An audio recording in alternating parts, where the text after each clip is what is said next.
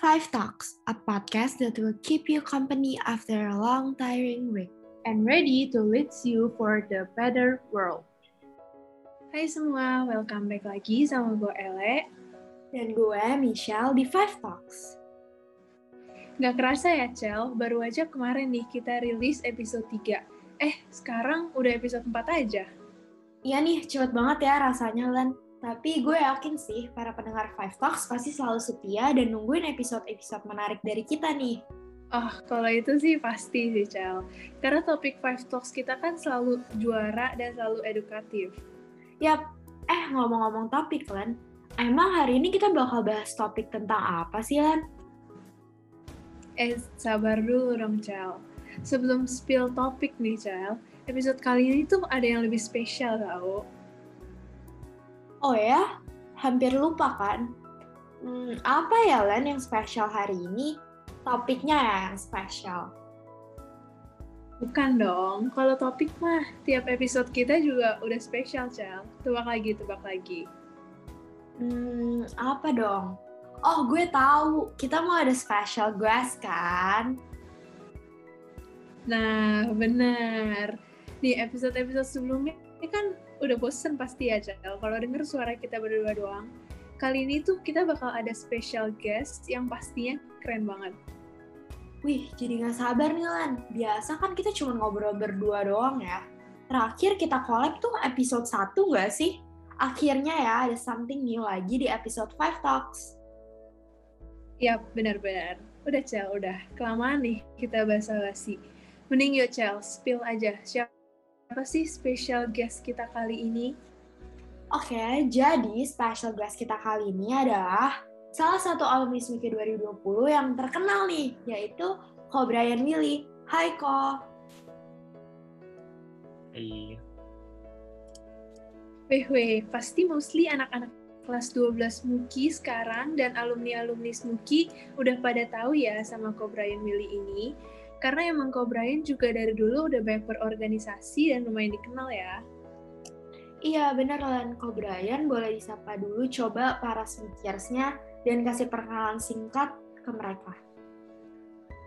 Hai semuanya, eh, aku Brian dari Angkatan Smuki 2020. Eh, Dulu aku jurusan IPS. Oke, oke. Mungkin dari perkenalan singkat ini bisa bantu kalian untuk kenal secara garis besar ya guys sama Ko Brian. Nah, kalau dari Ko Brian sendiri nih kok, sekarang Ko Brian kesibukannya apa sih kok? Kalau sekarang aku lagi sibuk persiapan semester eh, kuliah semester 3. Ini habis liburan kayak tiga bulanan. Eh, terus akhirnya weekend ini aku bakal berangkat ke Belanda untuk kuliah. Oh, wah keren banget ya. Berarti Ko Brian baru ada kesempatan buat berangkat ke Belanda ya, kok. Aku dengar-dengar Ko Brian ini sekarang kuliahnya itu di salah satu universitas top di dunia loh, guys. Iya, keren banget sih. Kapan-kapan boleh nih kok bagi-bagi experience and tips and tricks cara masuknya di episode lain. Boleh dong, nanti diundang aja lagi. Oke, oke. Cukup kali ya perkenalan kita. Nah, Len, kita kan udah spi- spill ya, Len, guys kita di episode kali ini. Perkenalan juga udah. Yang kurang tinggal satu nih, Len. Topiknya apa sih? Pada kepo nih pasti. Pendengar Five Talks dari tadi digantungin. Coba topik apa sih yang spesial sampai ada gue segala nih? Wih, pastinya sih topik kita nih nggak kalah asik sih, Cel, sama topik episode-episode sebelumnya. Yaitu, di episode kali ini kita bakal bahas dan tanya-tanya ke Ko Brian tentang segala hal yang berkaitan dengan sustainability. Wih, selalu keren dan bervariasi ya emang topik-topik Five Talks itu. Oke, kita mulai aja kali ya. Kalau menurut Ko Brian sendiri, apa sih yang pertama terlintas di pikiran Koko kalau ngomongin tentang sustainable? Kalau kita bicara sustainable atau sustainability, yang ter, yang terlintas di pikiranku sih pasti nggak jauh dari nggak jauh-jauh dari uh, misalnya environment atau uh, aktivitas manusia, uh, terutama interaksi antara manusia dan lingkungan sih. Jadi kayak misalnya gaya hidup kita itu dampaknya apa sih ke lingkungan kita? Nah, itu sih kalau bicara sustainable biasanya di pikiranku. Hmm, berarti Ko Brian pasti tahu dikit-dikit ya kalau tentang pengertian dan maksud dari sustainable itu. Boleh coba kok di-sharing. Kalau menurut Koko, sustainable itu apa sih? Kalau dari pendapatku sendiri, my own personal opinion, uh, sustainable or being sustainable itu adalah untuk hidup dengan cara yang tidak berdampak negatif pada lingkungan. Sustainability sendiri kan kata dasarnya sustain ya, yang secara garis besar itu artinya menopang atau menahan.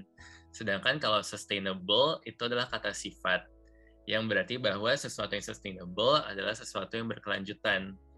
Nah ini kan kalau kita bicara teori dan definisi masih agak abstrak ya. Kalau konkretnya itu, kita bayangin aja gini, kita dulu sebelum ada larangan uh, kantong plastik, di misalnya di supermarket uh, kantong plastik itu kan umurnya nggak panjang ya setelah kita pergi setelah kita pulang dari supermarket paling kantong plastik jadi kantong buat tempat sampah. Habis itu dibuang.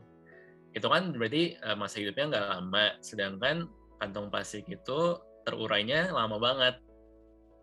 Um, bisa puluhan tahun atau bahkan mungkin nggak uh, terurai sama sekali. Nah coba kalau kita bandingin dengan uh, misalnya tote bag atau kantong kain. Fungsinya sama-sama untuk uh, membawa barang, tapi kalau kantong kain ini kan bisa lebih lama masa hidupnya. Dan itulah yang kita bisa sebut sebuah opsi yang lebih sustainable. Tapi aplikasi kata sustainable itu nggak cuma terbatas pada ini ya, nggak cuma terbatas pada misalnya benda yang sustainable atau tidak. Bisa juga untuk mendeskripsikan suatu proses. Misalnya kayak uh, proses untuk pembangkitan listrik atau apa pembuatan energi listrik. Kalau kita lihat pasti kita pernah dengar dong maksudnya um, energi yang terba yang bisa terbarukan atau energi yang uh, non renewable gitu.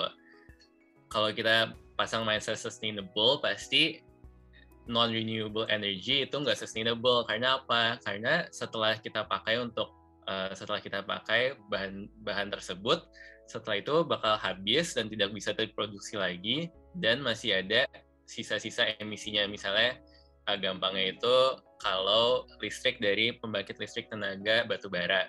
Itu kan batu bara itu kan non renewable ya. Dan um, emission dari dari dari pembakaran batu bara itu kan juga berdampak buruk pada uh, environment kita. Kita udah pasti sering dengar deh misalnya carbon emission lah atau uh, polusi udara menipisnya ozon segala macam. Itu tuh berkaitan dengan uh, ini non renewable energy ini.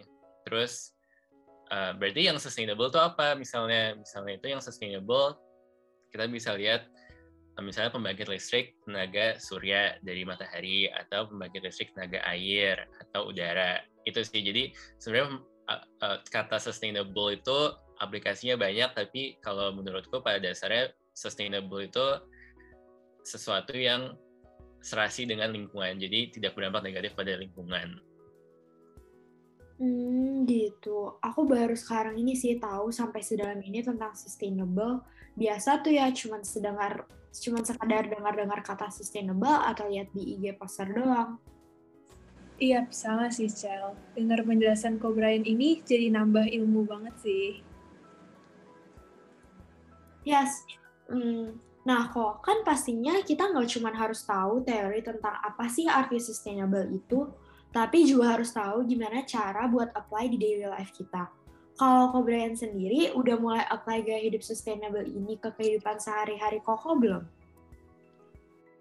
Um, kalau dibanding dua tahun lalu atau beberapa tahun lalu, uh, I can say that I have improved in being sustainable, in being more sustainable, walaupun memang nggak sempurna ya, karena um, menurut aku sendiri, kalau kita mau avoid semua, mau hindari semua barang-barang yang nggak sustainable, misalnya plastik deh, itu susah banget. Kayak coba kamu bayangin aja kamu ke supermarket, semuanya itu dibungkus dengan plastik, dan kamu nggak mungkin kan ke supermarket nggak beli sesuatu yang terbuat dari plastik. Jadi kalau kalau prinsip aku itu uh, coba sebisa mungkin try as hard as possible untuk hindari barang-barang yang yang non sustainable, yang yang susah didaur ulang lah atau yang masa hidupnya pendek gitu. Dan uh, untuk menerapkan ini sebenarnya gampang banget di hidup kita uh, dan gak ribet sih menurut aku. Misalnya yang yang aku udah terapin, yang aku bisa share sendiri itu kita kan sering banget nih pesan makan dari de, apa dari Grab lah dari Gojek itu most likely dari restorannya itu ngirimin kita uh, sendok plastik atau misalnya tisu atau sambal saset gitu. Sedangkan kan di rumah kita udah punya dong sendok udah ada sendok yang sendok makan yang proper udah ada. Tisu udah ada. Sambal bisa pakai sambal botol. Nah kalau aku sendiri kalau misalnya aku pesen makan aku request ke drivernya atau ke restorannya eh, nggak uh, perlu pakai alat makan nggak perlu pakai tisu gitu. Jadi dengan dengan seder, sesederhana itu aja kita udah bisa uh, meminimalisir sampah-sampah tersebut. Karena kan kayak sendok plastik habis kita pakai kita nggak bakal pakai lagi dong apalagi kalau di rumah gitu. Terus uh, kayaknya tahun ini deh kan udah udah nggak boleh tuh kantong plastik di di mall di pusat perbelanjaan. Nah itu karena ada larangan itu aku mulai sering ini apa bawa tas belanja kalau pergi-pergi just in case kalau aku butuh gitu. Dan itu juga hemat uang kan jadi kita nggak perlu spend more untuk misalnya beli shopping bag lagi dari toko gitu.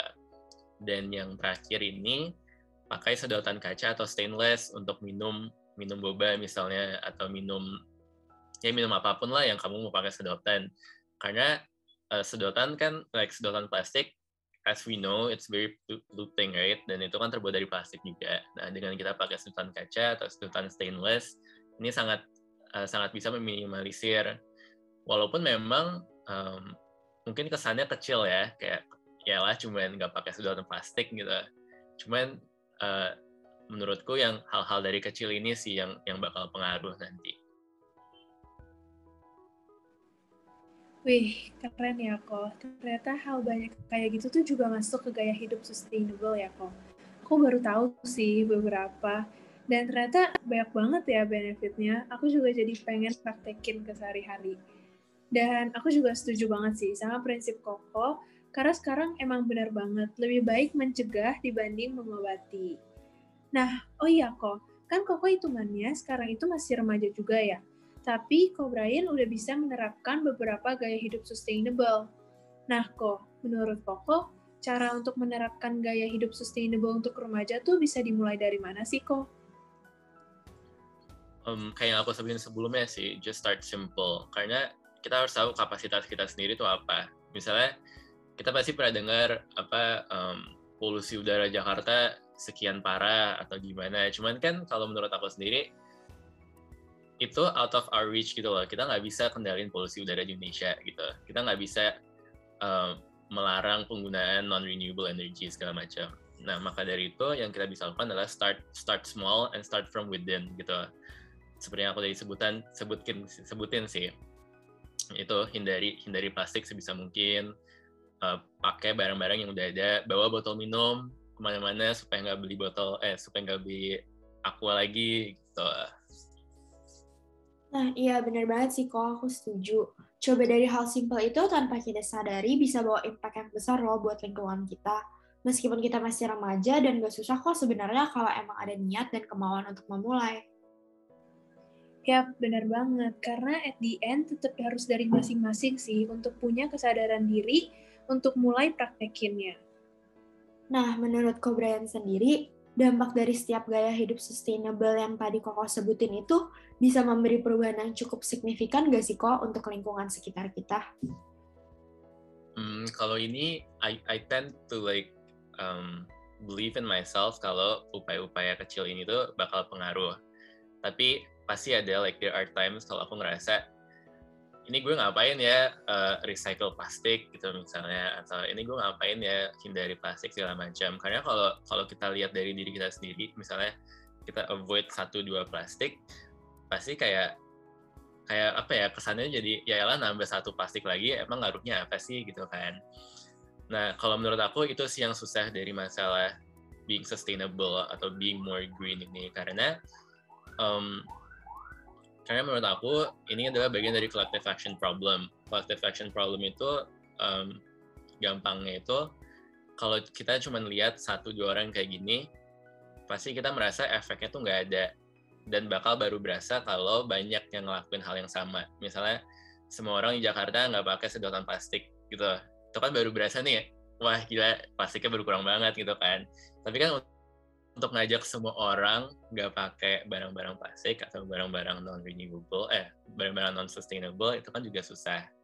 Maka dari itu um, the best thing we could do itu to, itu untuk prevent as much as possible the use of plastics. Atau sebenarnya nggak cuma plastik sih sebenarnya apa pun yang masa hidupnya pendek yang susah didaur ulang yang susah di, yang susah terurai gitu Oh benar Riko, benar. Aku juga pernah sih ngerasa kayak gitu. Apalagi pas baru awal-awal diterapin kebijakan kalau kita harus bawa shopping bag sendiri. Aku jadi merasa kayak buat apa sih kayak kita harus hindarin plastik satu dua gitu. Tapi sejalan waktu aku jadi merasa ya kalau emang kalau satu dua orang yang aplikasiin doang tuh nggak bakal kerasa dampaknya ke bumi kita. Tapi kalau mayoritas orang udah mulai menerapkan, pastinya bakal memberikan perubahan yang signifikan ya kok.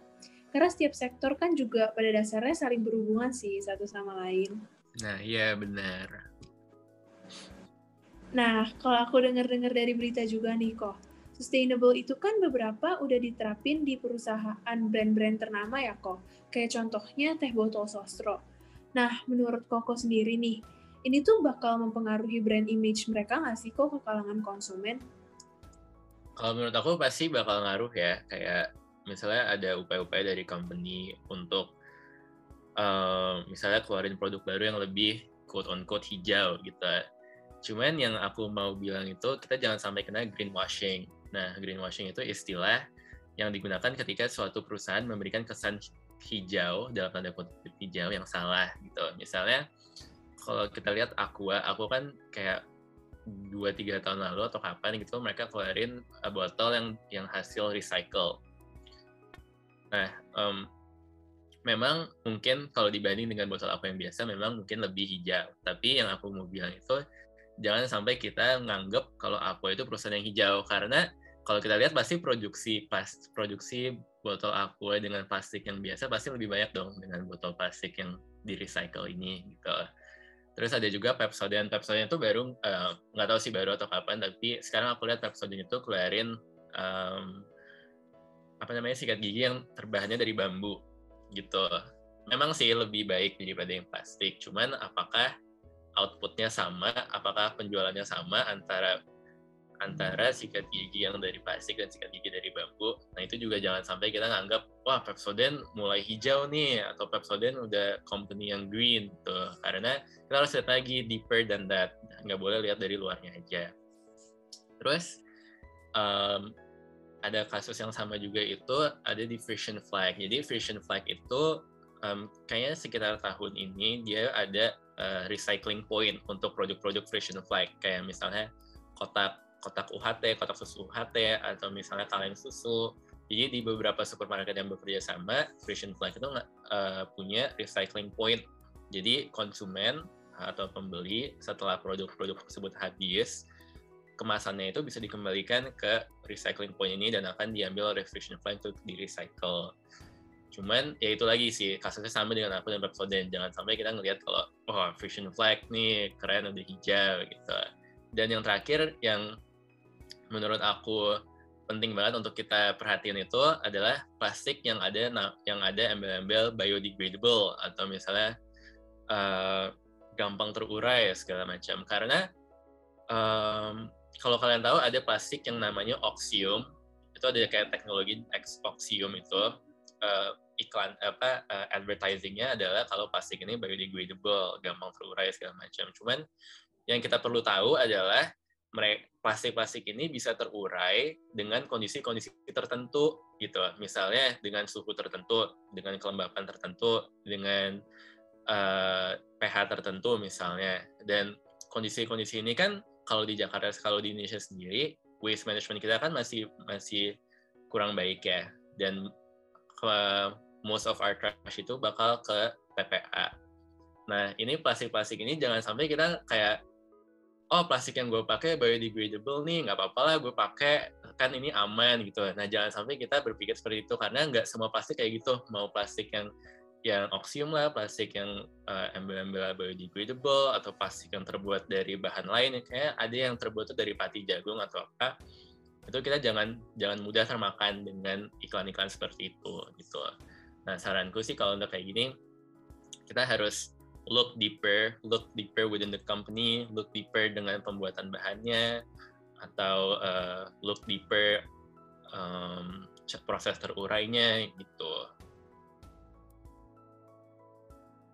strategi marketing ya kok Padahal aku juga lumayan sering buat ketemu beberapa toko yang memang pakai plastik biodegradable. Dan aku kira emang itu ada tujuan tertentu yang berarti mereka itu emang mudah terurai daripada plastik biasa. By the way, kok aku penasaran deh. Pertama kali waktu kau kepikiran dan mulai tertarik buat terapin sustainable living itu kenapa sih kok? Padahal kan seperti kita tahu ya, kebanyakan remaja tuh susah banget buat bisa mulai peduli sama lingkungannya sendiri Nah, um, turning point-nya untuk aku itu waktu itu um, aku tuh follow di Instagram ada akun uh, at 021 suara sampah. Dia ini uh, as like this woman dia mempraktisi basically zero waste sih. Jadi dia dari apa pokoknya apa pun yang di rumah dia itu antara terbuat dari alam, didaur ulang, barang lama atau sesuatu yang sustainable gitu. Jadi misalnya sabun sabun dia itu dia buat sendiri. Sabun di rumahnya sabun cuci tangan lah sabun mandi sabun cuci baju sabun uh, untuk pembersih lantai itu semuanya dia buat sendiri. Terus solatip solatip yang dia terima misalnya dari hampers dari packaging suatu barang itu dia recycle juga. Dia jadi dia solatipnya dia dia lepas dia lepas pelan habis itu dia um, dia tampil aja di kayak suatu tempat yang aman gitu. Jadi solatip ini bakal bisa dipakai lagi dan ini sebenarnya sesuatu yang aku cobain juga sih. Karena kan aku sendiri um, aku ada jualan uh, kartu kan. Dan untuk packaging itu kadang aku butuh solatip untuk uh, untuk nempelin label pengirimannya. Nah solatipnya ini kadang tuh aku recycle misalnya dari paket-paket kiriman aku sebelumnya yang aku terima. Jadi solatipnya aku buka pelan-pelan terus aku tempel di pinggir uh, lemari supaya nggak nempel lagi. Dan itu solatipnya aku pakai lagi. Nah dengan cara itu kita udah bisa um, memperpanjang usia sholat ini gitu kan. Uh, tapi uh, back back to the question sorry, Instagram dia ini menurut aku sangat menginspirasi karena itu sih kayak uh, semuanya itu bisa loh kalau kita mau dan kita niat itu bisa jadi sangat hijau gitu. Cuman uh, itu kan ya menurut aku itu um, susah ya karena kayak banyak banget soal yang yang harus kita manage sendiri gitu. Cuman um, itu sorry. Sorry aku ke distract. Tapi turning pointnya itu buat aku saat dia post tentang tragedi di Lewi Gajah tahun 2005 jadi mungkin kalau buat kalian karena buat aku sendiri waktu itu aku nggak pernah dengar kejadian ini. Jadi kejadian Lewi Gajah ini itu dulu Lewi Gajah ini nama TPA TPA Lewi Gajah. Nah tahun 2005 TPA ini meledak. Jadi tumpukan-tumpukan sampah itu meledak karena Uh, kalau nggak salah waktu itu ada kumpulan gas metana. Nah, gas metana ini tuh gas yang, di, yang dihasilkan oleh sampah-sampah organik. Jadi sampah sayur, sampah uh, uh, kulit buah, sampah sisa makanan, sampah daging, segala macam itu menghasilkan gas metana. Dan kayaknya uh, kalau nggak salah waktu itu uh, kapasitas TPA-nya udah full, lalu disertai kalau nggak salah ya, correct me if I'm wrong, itu uh, cuacanya lagi hujan. Nah, makanya pada saat itu TPA itu meledak, terus terjadi longsor sampah, dan itu menelan korban jiwa. Jadi rumah-rumah penduduk di sekitar TPA itu tuh tertelan sampah. Kamu bisa bayangin nggak sih meninggal karena tertimbun sampah, dan itu sampahnya juga most likely dari masyarakat-masyarakat sekitar atau dari ya kan intinya sampah itu dari manusia juga kan. Dan pas aku baca tentang kejadian itu, aku shock sih. Maksudnya kayak pada dasarnya orang-orang yang menjadi korban korban kejadian ini adalah eh disebabkan oleh tindakan manusia sendiri, tindakan kita sendiri. Jadi secara nggak langsung kita menyebabkan kejadian itu yang menelan korban jiwa gitu. Dan dari itu aku kayak kayak gila nih gue apa ya apa sih yang bisa gue lakukan untuk mencegah ini, mencegah kejadian seperti ini lagi. Dan kita pasti sering sering dengar juga kalau TPA di Indonesia itu tuh udah mulai penuh kapasitasnya udah mulai uh, overload lah gitu nah maka dari itu dari, sejak sejak saat itu aku kayak aku udah mikir kayak gimana ya caranya supaya barang-barang yang gue pakai, yang aku konsumsi, yang aku beli itu sebisa mungkin terhindar pembuangannya ke TPA atau sebisa mungkin bisa aku pakai lagi, sebisa mungkin aku recycle lagi gitu. Wih, wih, aku baru dengar juga sih kok sama kejadian itu. Serem juga ya ternyata kayak tindakan yang kita anggap sepele tuh bisa bisa memakan korban jiwa. Oke, topik sih. Habis ini aku bakal interest banget untuk research tentang ini lebih dalam lagi. Aku pribadi aja tuh denger ini tuh jadi ikut terinspirasi buat mulai nerapin sustainable living kayak Ko Brian sih. Oh iya kok, terus last question deh. Aku penasaran deh kok, pastikan ada ya kok beberapa dari kita tuh yang masih nggak tahu sama keberadaan sustainable living ini Bahkan istilah sustainable aja kadang masih banyak yang nggak tahu. Nah, menurut Koko sendiri, gimana sih kok cara yang bisa membuat para pendengar kita nih mulai sadar dan mulai bergerak peduli akan lingkungan kita? Um, kalau aku, um, kalau aku sendiri, aku merasa kalau kita mau mengubah orang pasti lebih susah daripada merubah diri sendiri. Makanya kalau menurutku kita start from within aja. Mulai dari diri kita sendiri dan dari tindakan kita kita menginspirasi teman-teman kita yang lain. Um, tapi um, aside from that um, aku cuma mau bilang kalau masa depan kita karena climate change atau hal-hal yang berhubungan dengan kerusakan lingkungan ini bak kita aja sekarang udah ngerasa nih perubahan climate atau uh, ya hal-hal yang berhubungan dengan ini apalagi beberapa tahun ke depan dan beberapa tahun ke depan itu kita masih tinggal di bumi ini gitu.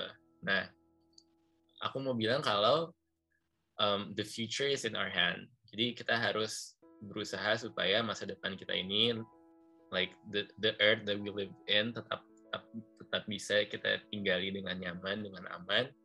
Dan I wanna say bahwa climate change itu climate change is real.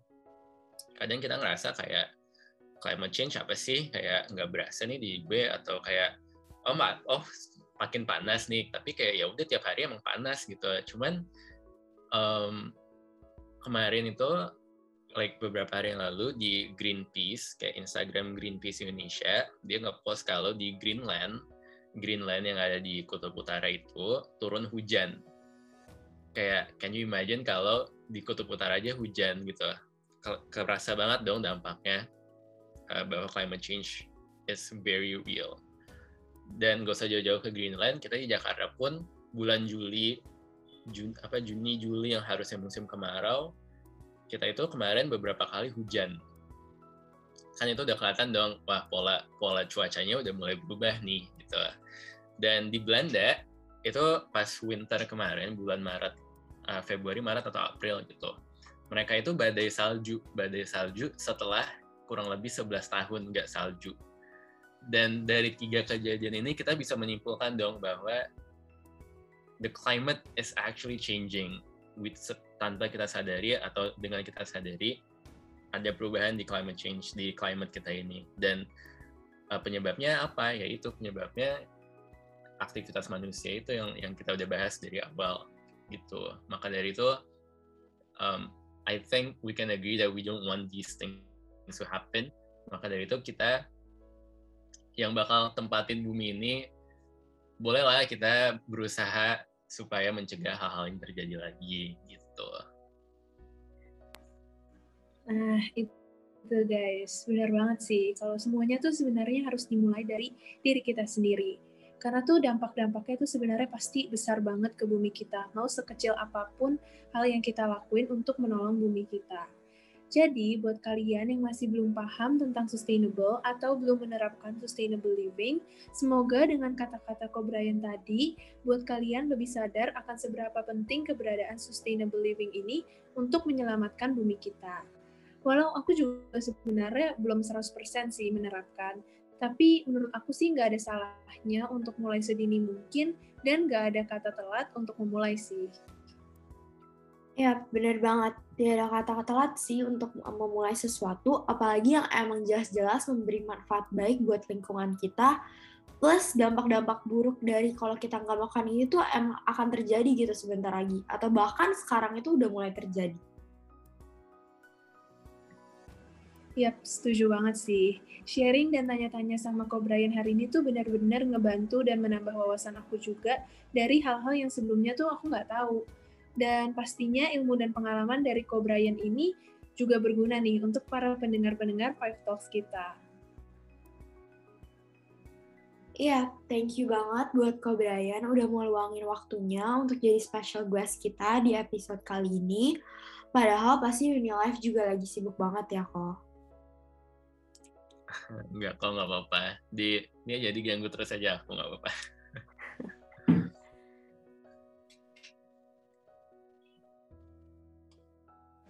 Oke, kalau dari Ko Brian nih, ada nggak nih kau sepatah dua patah kata untuk para pendengar Five Talks kita sebelum kita akhirin episode kali ini? Um, kalau kalian butuh inspirasi, uh, cek aja Instagramnya itu at 021 suara sampah. Dan kalau kalian mau mulai milah sampah, uh, sort trash sorting, itu bisa di uh, at Armada Kemasan, ada di Instagram. Um, untuk yang dengerin ini uh, semoga bisa bermanfaat buat kalian. Uh, start now, it's never too late to start. Dan mau sekecil apa pun usaha kita, asalkan kita berusaha, pasti bakal ada yang kita yang kita bisa nikmati nanti.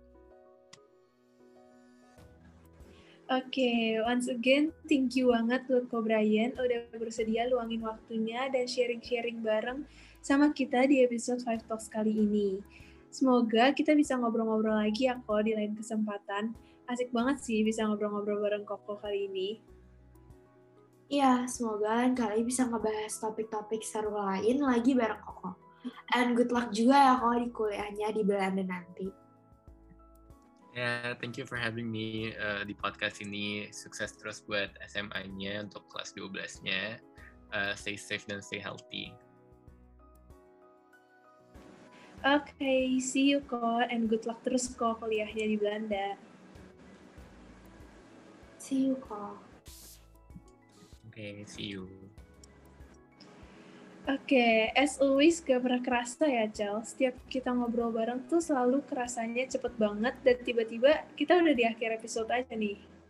Iya Nilan, apalagi ditambah lagi hari ini tuh ada something special yaitu alumni Suki yang bikin kita sebagai anak Smoky juga pastinya bangga nggak sih? Ya benar banget sih. Alumni Smoky tuh emang nggak pernah mengecewakan dan selalu keren ya, Cel. Yap, setuju, setuju banget. Amin ya, Lan. Semoga kita nantinya bisa membanggakan juga lulus dari Smoky. amin, amin.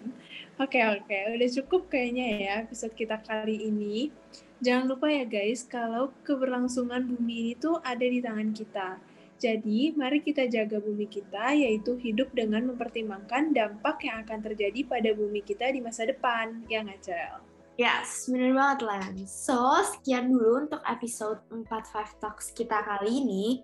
Semoga episode kali ini bisa nambah wawasan kalian tentang sustainability dan buat kalian sadar juga. Dan jangan lupa guys, advice-advice yang tadi Ko Brian bilang, itu juga harus dipraktekin di kehidupan kita. Yap, benar. Jangan didengar doang guys, tapi harus dipraktekin juga. Yes, so gue Michelle. Dan gue Elena, kita pamit undur diri. And see you guys on our next episode. Bye semua. Bye-bye.